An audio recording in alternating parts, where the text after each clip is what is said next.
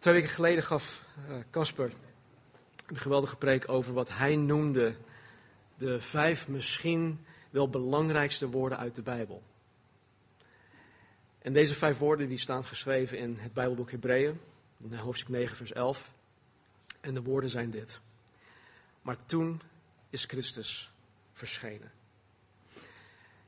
Deze woorden hebben alles met betrekking tot hoe de God van de Bijbel en de mens met elkaar om kunnen gaan, compleet veranderd.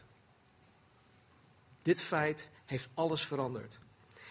En wanneer Jezus Christus persoonlijk in het leven van een individu verschijnt, en wanneer de persoon in kwestie zichzelf dan openstelt voor Jezus, voor die verschijning, zichzelf vervolgens aan Jezus overgeeft, dan zal alles in zijn of haar leven ten goede compleet veranderen. Alles, maar dan ook alles verandert. En begrijp me alsjeblieft niet verkeerd, ik, ik heb het nu niet over een, een welvaartsevangelie uh, die ook verkondigd wordt, waarin men zegt dat als je in Jezus gelooft, dan krijg je die Mercedes en dan krijg je dat huis en dan krijg je uh, goede, goede gezondheid enzovoort enzovoort.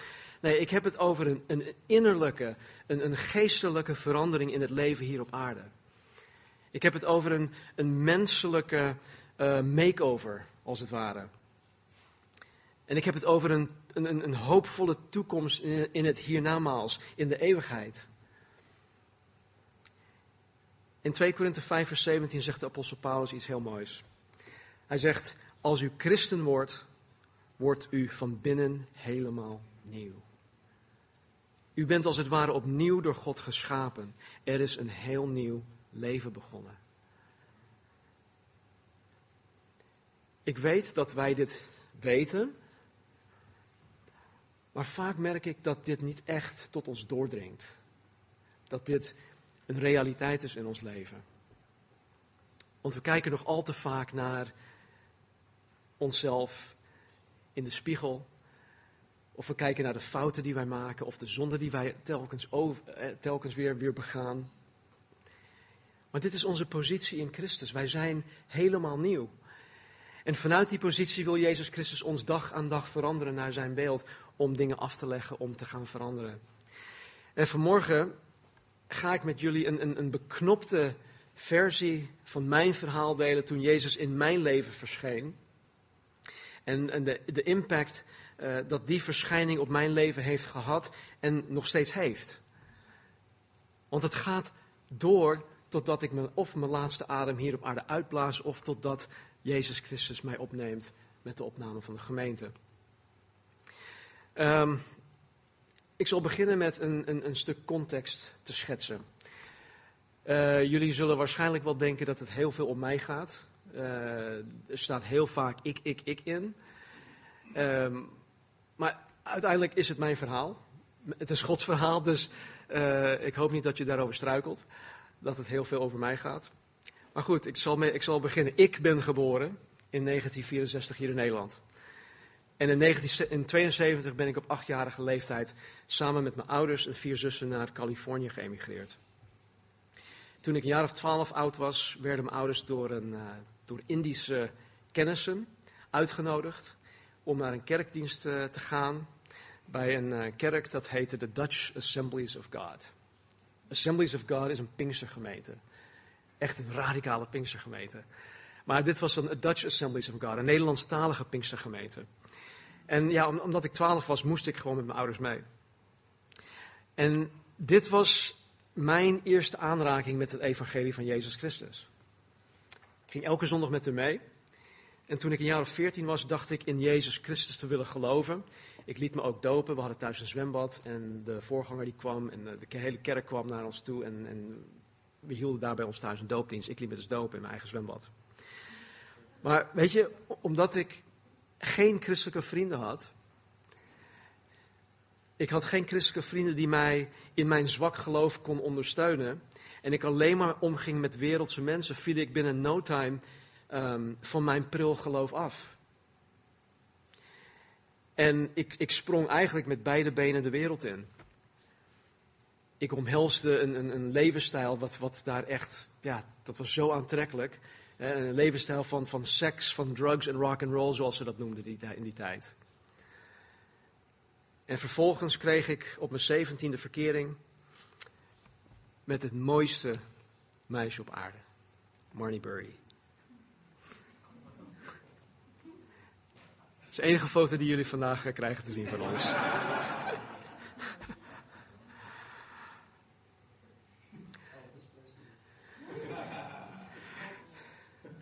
ik, ik, ik hoorde van sommigen dat ze mij vergelijken met El de Barge. Of ik weet niet of dat jullie dat iets zegt, maar goed, genoeg. Drie maanden nadat wij verkering kregen, raakte Marnie zwanger. En toen zij acht maanden zwanger was, kwam Marnie tot geloof in Jezus Christus. Uh, mijn schoonzus Thea had Marnie geholpen om haar hart aan Jezus Christus te geven. En terwijl ze hoogzwanger was, um, liet Marnie zich dopen. Acht maanden zwanger. En uh, Marnie kan beter zelf haar eigen geloofsgetuigenis vertellen, dus daar ga ik verder niet op in. Maar weet je, in, in die tijd had ik door de jaren heen, want ik was nu 17, dus eigenlijk in vijf jaar tijd, had ik het een en ander van Jezus, van de Bijbel, van het christelijk geloof meegekregen. Alleen, ja, ik, ik geloofde het wel, maar het interesseerde mij totaal niet. Als je iets weet van hoe het leven eraan toe gaat in Zuid-Californië in de jaren 70 en 80, dan, dan, dan, dan weet je dat er zoveel meer boeiends is dan naar de kerk toe gaan met je ouders. Weet je, dus het, het interesseerde me niet. Maar ik ging, ik ging wel eens met Marnie en mijn ouders mee naar de kerk. En dit was, dit was een andere kerk, een, matige Pinkstergemeente. En op mijn achttiende en Marnie's zestiende werden wij ouders van onze eerste dochter Christine.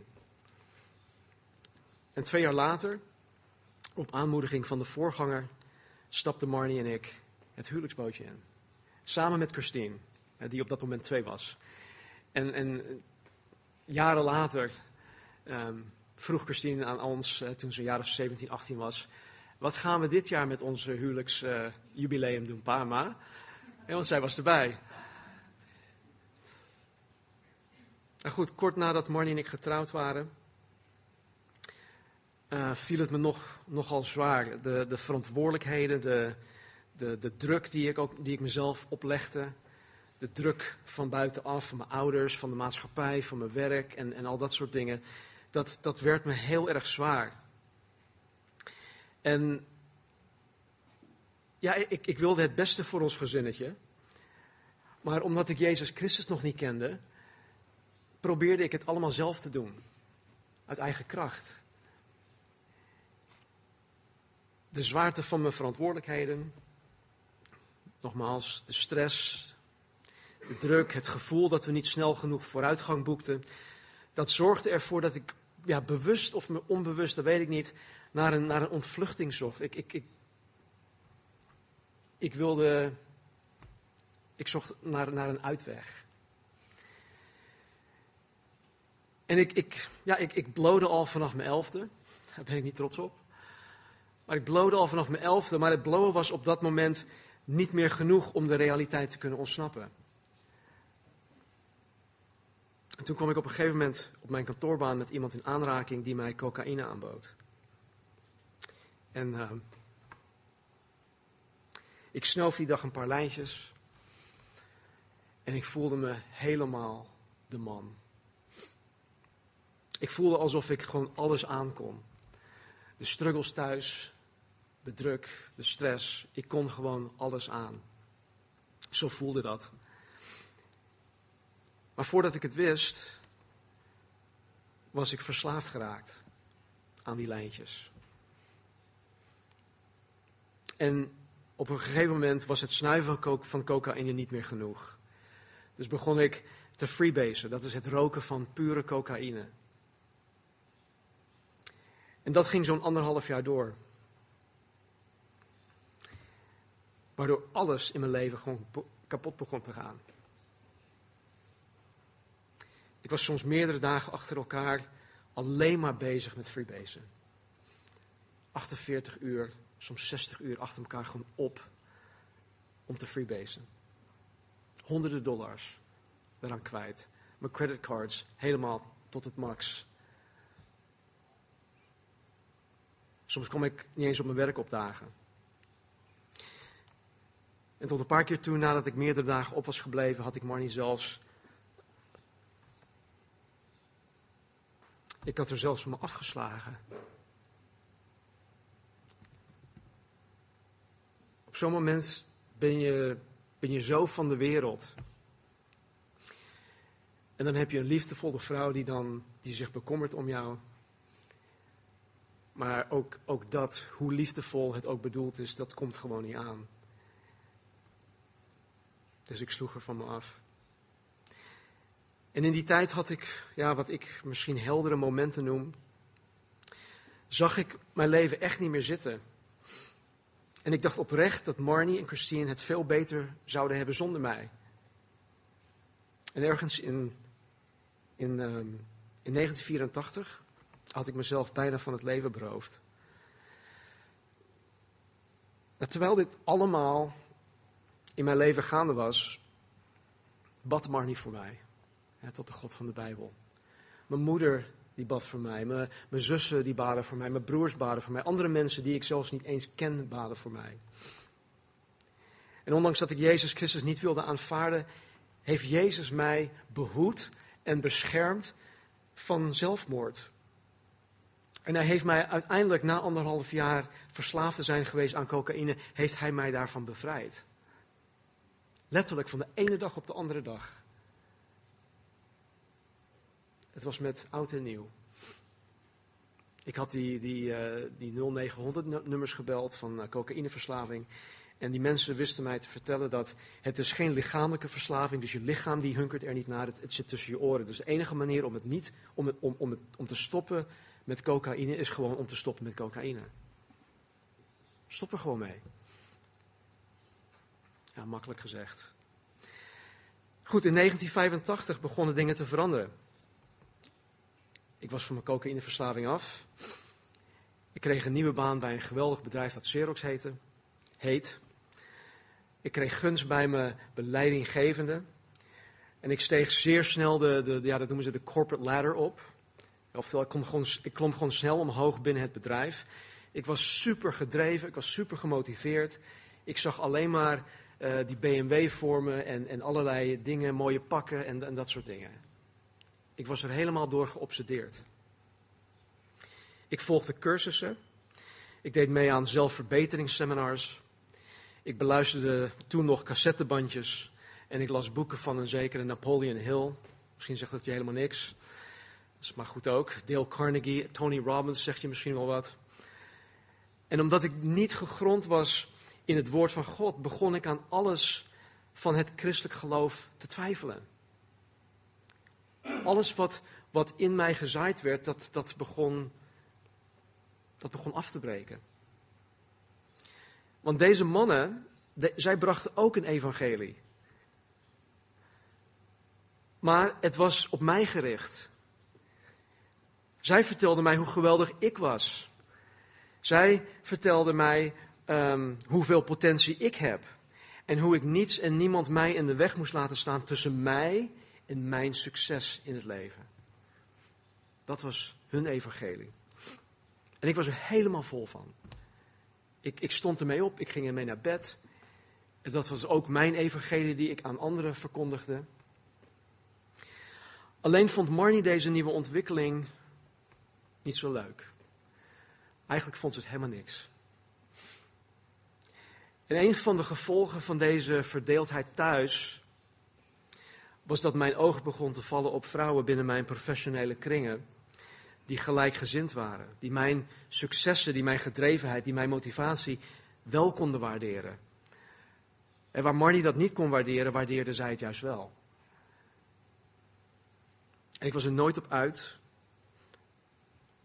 Althans, ik, ik denk niet dat ik er ooit op uit was, maar in die periode ben ik aan Marnie meerdere malen ontrouw geweest.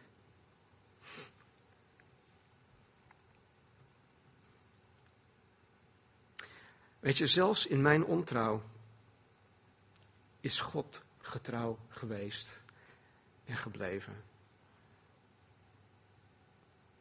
De hele tijd. Dat zie ik nu pas. Maar de hele tijd was God achter de schermen bezig om mij naar zichzelf toe te trekken. De hele tijd.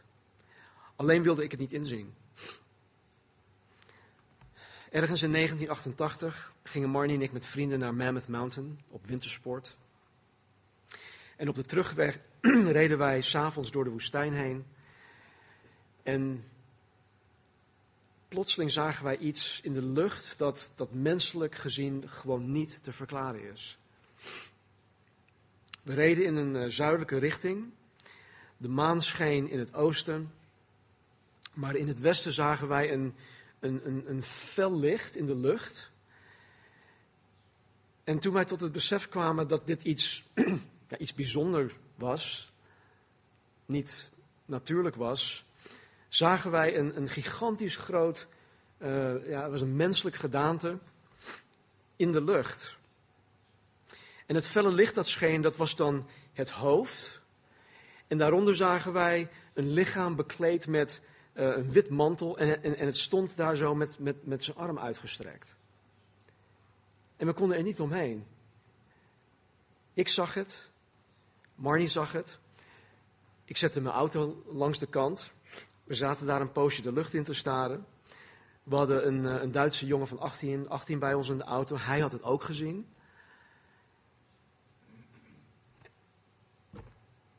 Wisten niet, ja, we, we zeiden eigenlijk helemaal niks tegen elkaar.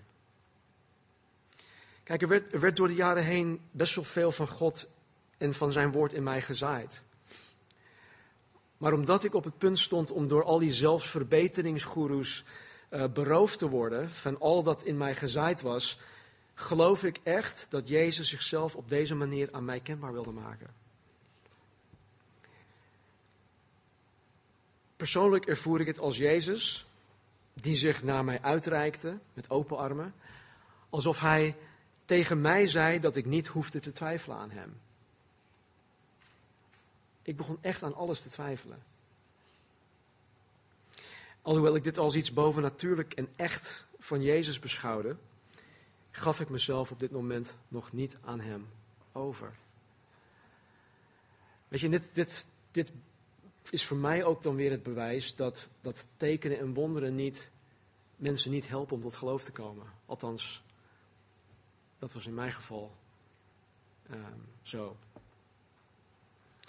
Maar goed, in plaats van dat het thuis beter ging, ging het juist steeds erger. Halverwege 1989 gingen Marnie en ik uit elkaar. We waren bijna gescheiden. De reden waarom we niet gingen scheiden is omdat ik uh, niet genoeg geld had. Of ik, ik wilde het geld er niet voor uitgeven om zowel haar huis te onderhouden en mijn eigen apart huis. Dus wat, wat we deden, ik, um, ik, ik, ik trok het huis uit en ik trok in bij een vriend die ook bij Xerox werkte. Inmiddels hadden we onze tweede dochter Ashley gekregen.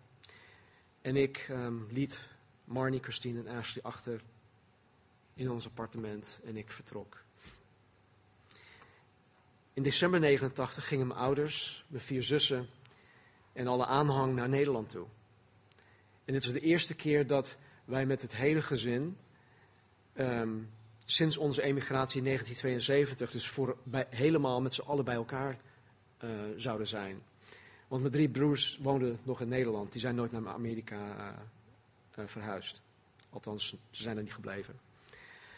Maar omdat Marnie en ik uit elkaar waren gegaan, ging Marnie niet mee. Dus ik ging alleen met, met Christine, die toen zes jaar oud was. En door de jaren heen kwamen mijn drie broers wel eens naar Californië toe. Dus ik was niet geheel uh, vervreemd van hun. Ik, ik, had wel een indruk gekregen van hoe zij met hun, uh, ja, met hun echtgenoten omgingen. En, en, en, met dat beeld ging ik dus naar Nederland toe.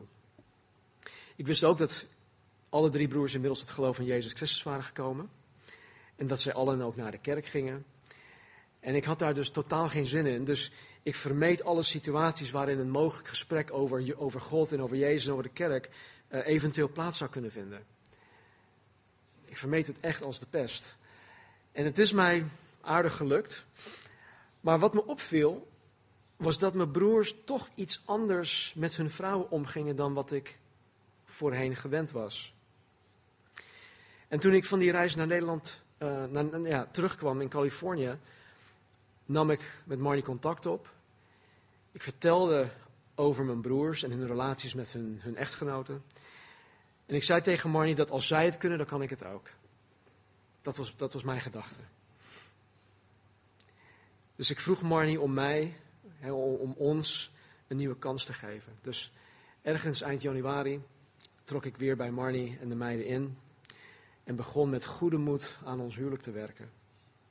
Alleen merkte ik dat het in februari al heel moeizaam ging. Het was niet makkelijk. In maart ging het ook niet zo lekker.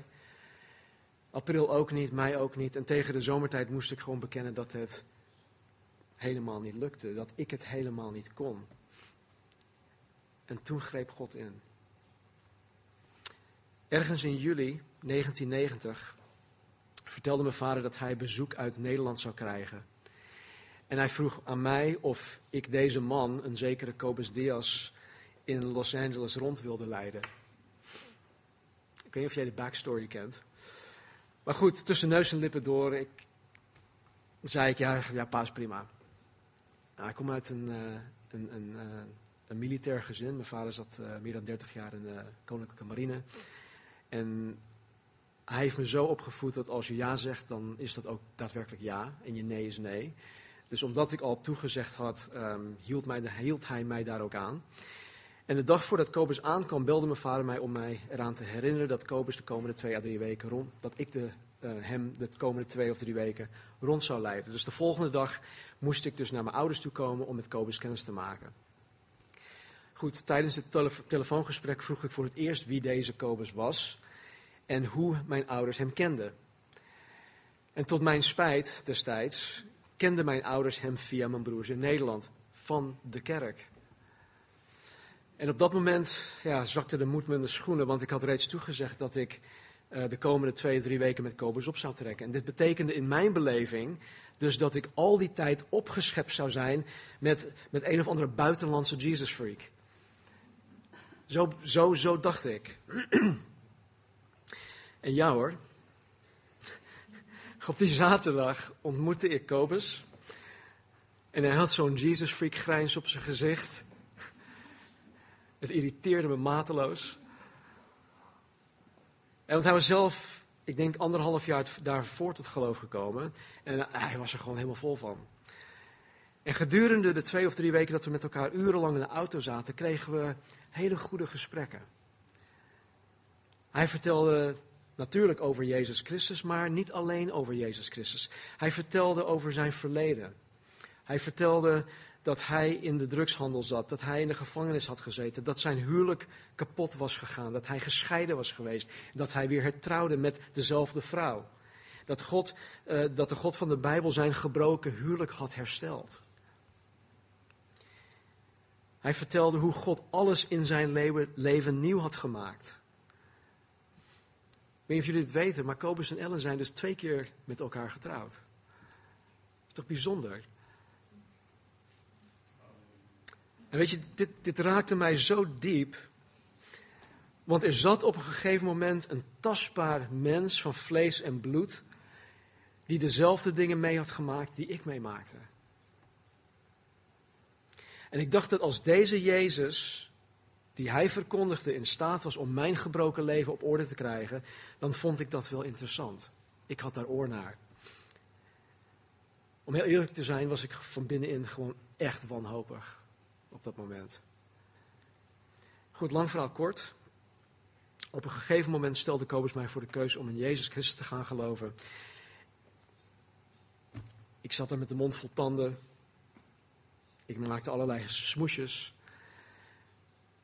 En toen vroeg hij mij waarom ik mijn leven niet aan Jezus Christus zou willen overgeven. Waarom niet? Wat is nou concreet de reden waarom je dit niet zou willen doen? En ik had daar gewoon geen antwoord op. Ik had daar geen antwoord op.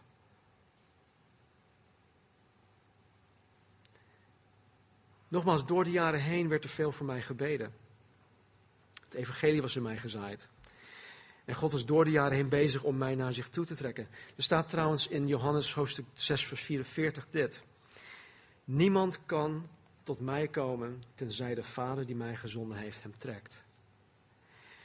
En weet je, achteraf zie ik dat ondanks dat ik God links liet liggen, hij telkens dingen in mijn leven deed om zichzelf aan mij kenbaar te maken. Elke keer opnieuw.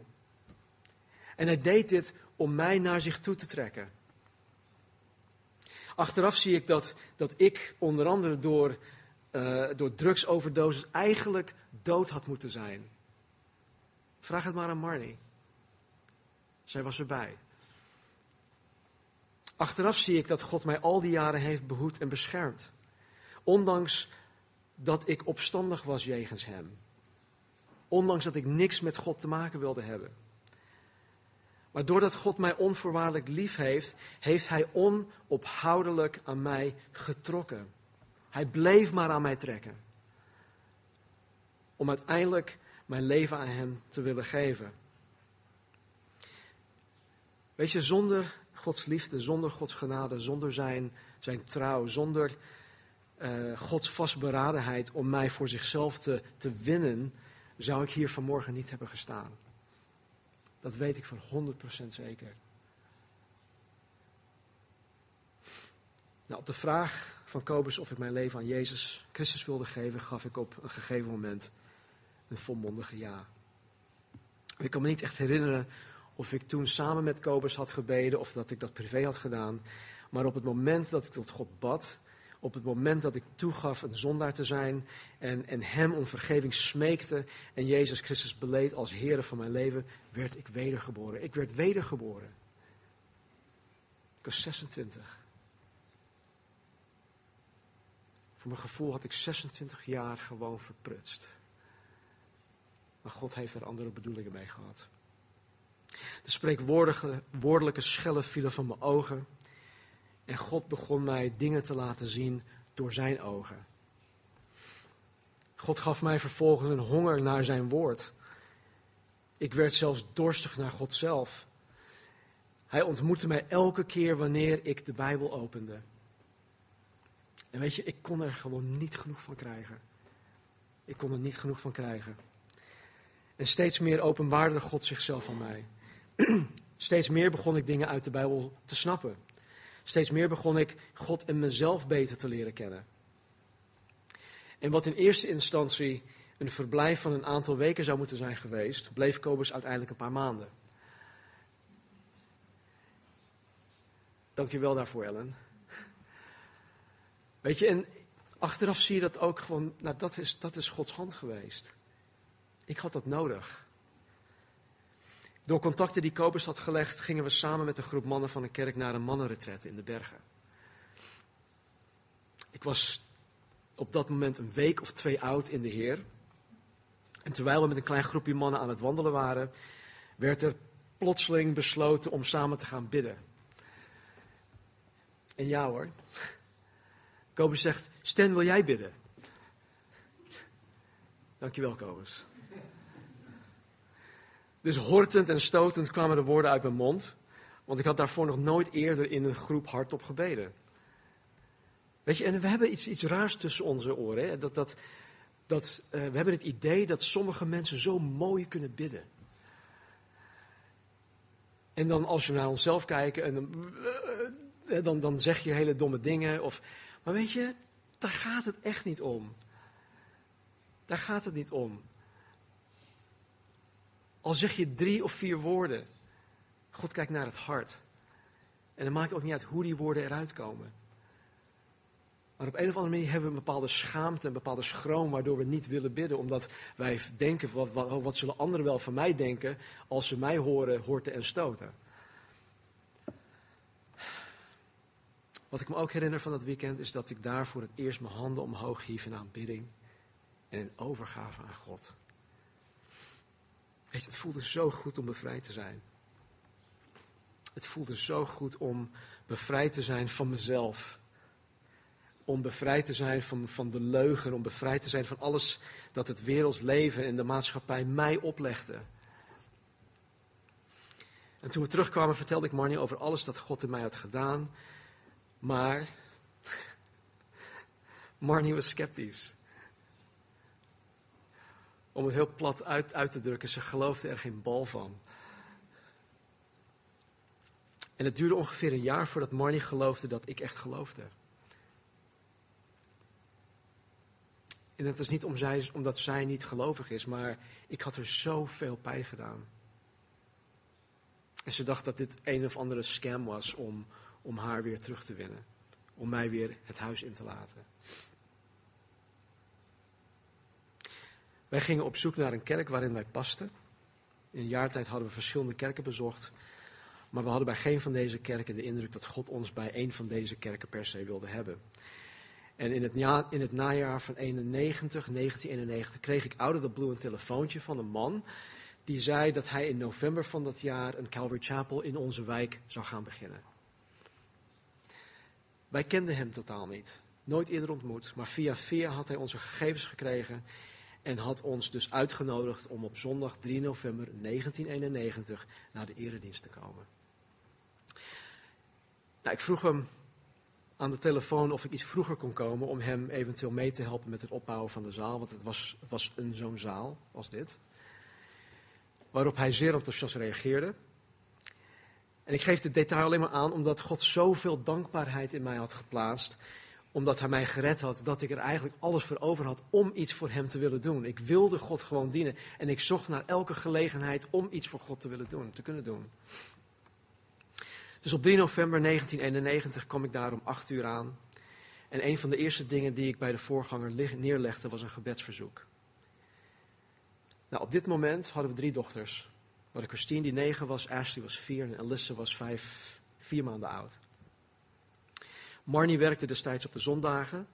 Dus mijn gebedsverzoek was dat Marnie weekenden vrij zou kunnen krijgen, zodat wij als gezin uh, naar de eredienst zou kunnen gaan. En de eerste vier weken ging ik alleen met de drie meiden, omdat Marnie moest werken. Maar God had onze gebeden al heel gauw verhoord, waardoor Marnie niet alleen de weekenden vrij kreeg, maar ook nog eens een promotie en een loonsverhoging kreeg. Dus ja, dat was voor ons weer zo'n, klinkt misschien ja, raar, maar een knipoog van de heren. Dus ergens in december 1991 begonnen wij als gezin het avontuur met God en de Calvary Chapel. En al heel snel werd ik door de Heer gegrepen. En ik volgde toen ook een uh, School of Ministry, dat is een, uh, een, interne school van de pastorale bediening. Gedurende deze tijd groeide ik ook echt in een rap tempo, in mijn geloof, in mijn toewijding aan Jezus Christus. En het ging allemaal razendsnel.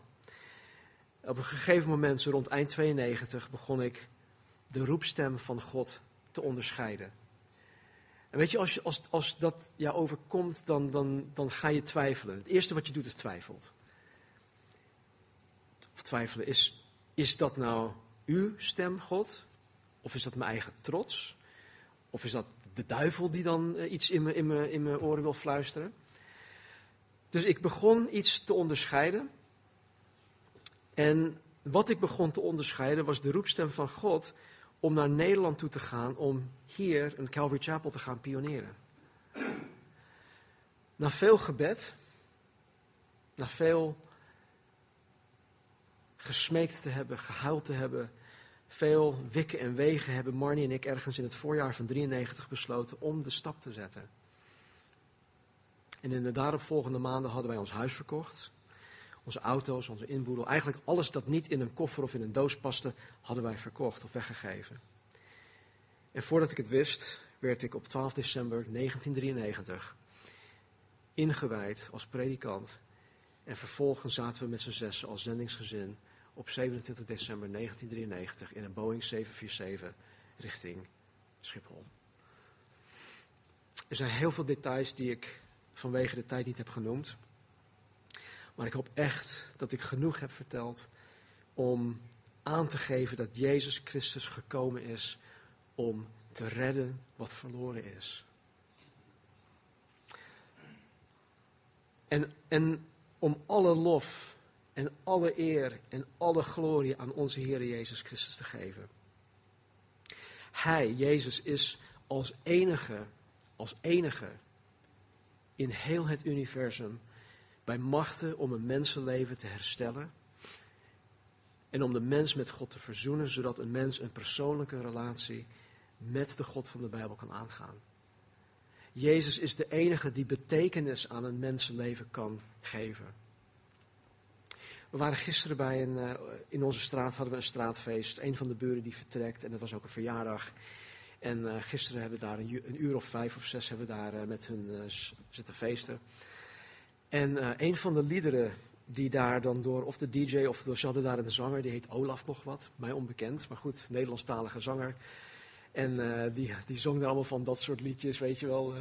eh, nou goed, het was, het was hartstikke gezellig. We hebben hele goede gesprekken gehad met mensen. Maar een van de liederen was, ehm, eh, is, is dit alles dat er is? Ik weet niet of het bekend is, maar goed, het is, is, is, er, is dit alles dat er is? En het deed me denken aan, aan, aan, aan dit. Want als mensen zichzelf die vraag stellen, en mensen doen dat, hè, is, is dit alles dat er is in het leven? Want mensen hebben een leegte.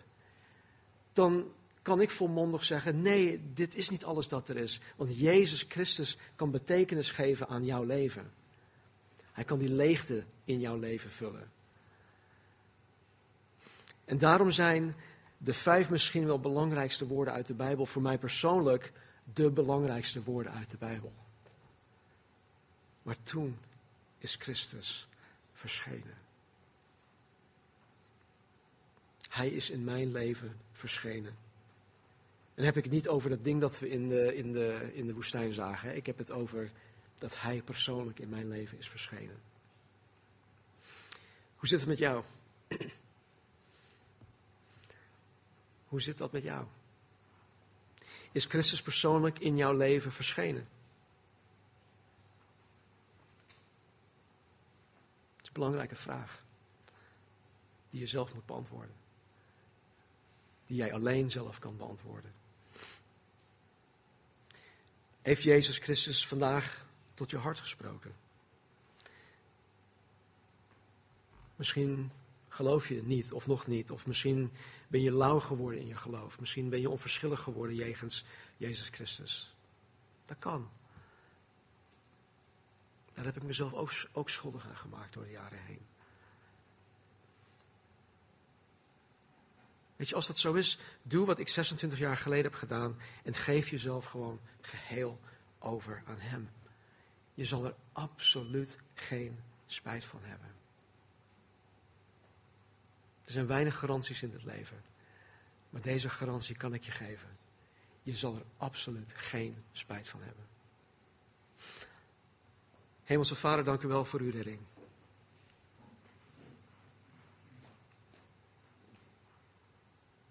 Heer, ik ben u zo, zo dankbaar.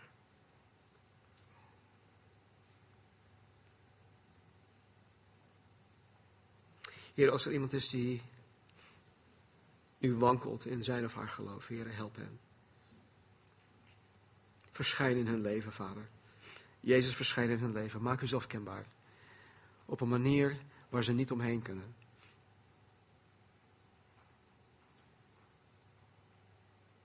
Als er iemand is die nog niet gelooft, Heer, trek hen naar Jezus Christus toe. Trek ons allen, Heer, dichter naar uzelf toe. En Vader, wanneer wij vanmorgen stilstaan bij het offer aan het kruis, wanneer wij stilstaan bij het geweldig offer dat U, Vader, aan ons gegeven hebt, uw Zoon, uw enige geboren Zoon, Jezus Christus, dat Hij zichzelf verlogend heeft, dat Hij zichzelf vernederd heeft aan het kruis, voor mij, voor ons. Help ons, Heer, om in te zien wat dat daadwerkelijk betekent. Help ons om in te zien hoeveel betekenis dat heeft. En wat voor gevolgen dat ook heeft in ons leven. Kan hebben in ons leven. De impact die dat kan hebben in ons leven. Dus Heer, wanneer we de, de elementen tot ons nemen. Help ons, Heer, om, om op Jezus te zien. Wat Hij voor ons gedaan heeft. En niet alleen toen, Heer, maar ook nu, vandaag, anno 2017. Wat dat voor ons nu betekent en wat dat voor onze toekomst betekent. Ik dank u, Vader. Dank u voor uw redding, dank u voor uw liefde, uw genade. Dank u ook voor de geweldige dingen die u uh, nu aan het doen bent, zelfs op dit moment. Geweldige dingen die u aan het doen bent in deze gemeente. In ons, onder ons, door ons heen. Blijf het doen, Heer. Blijf ons gebruiken. Om het evangelie met mensen te delen. Het geweldig nieuws. Vragen deze dingen in Jezus' naam. Amen.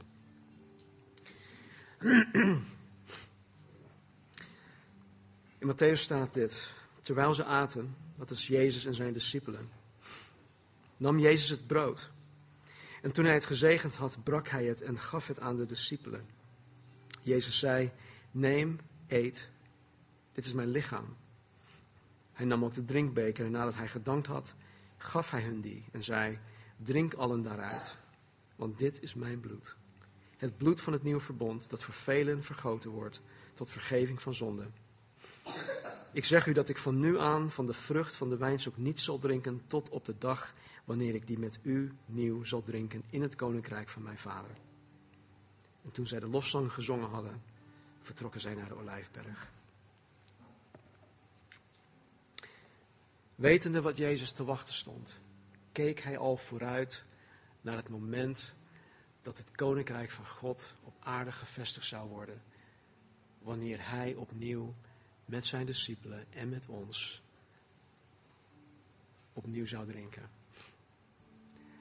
Weet je, ik denk dat dat voor ons een hele belangrijke les is, is dat wij niet vast raken of vastzitten in het hier en nu en, in de omstandigheden en in de ellende waarin wij ons bevinden, maar dat wij vooruitblikken.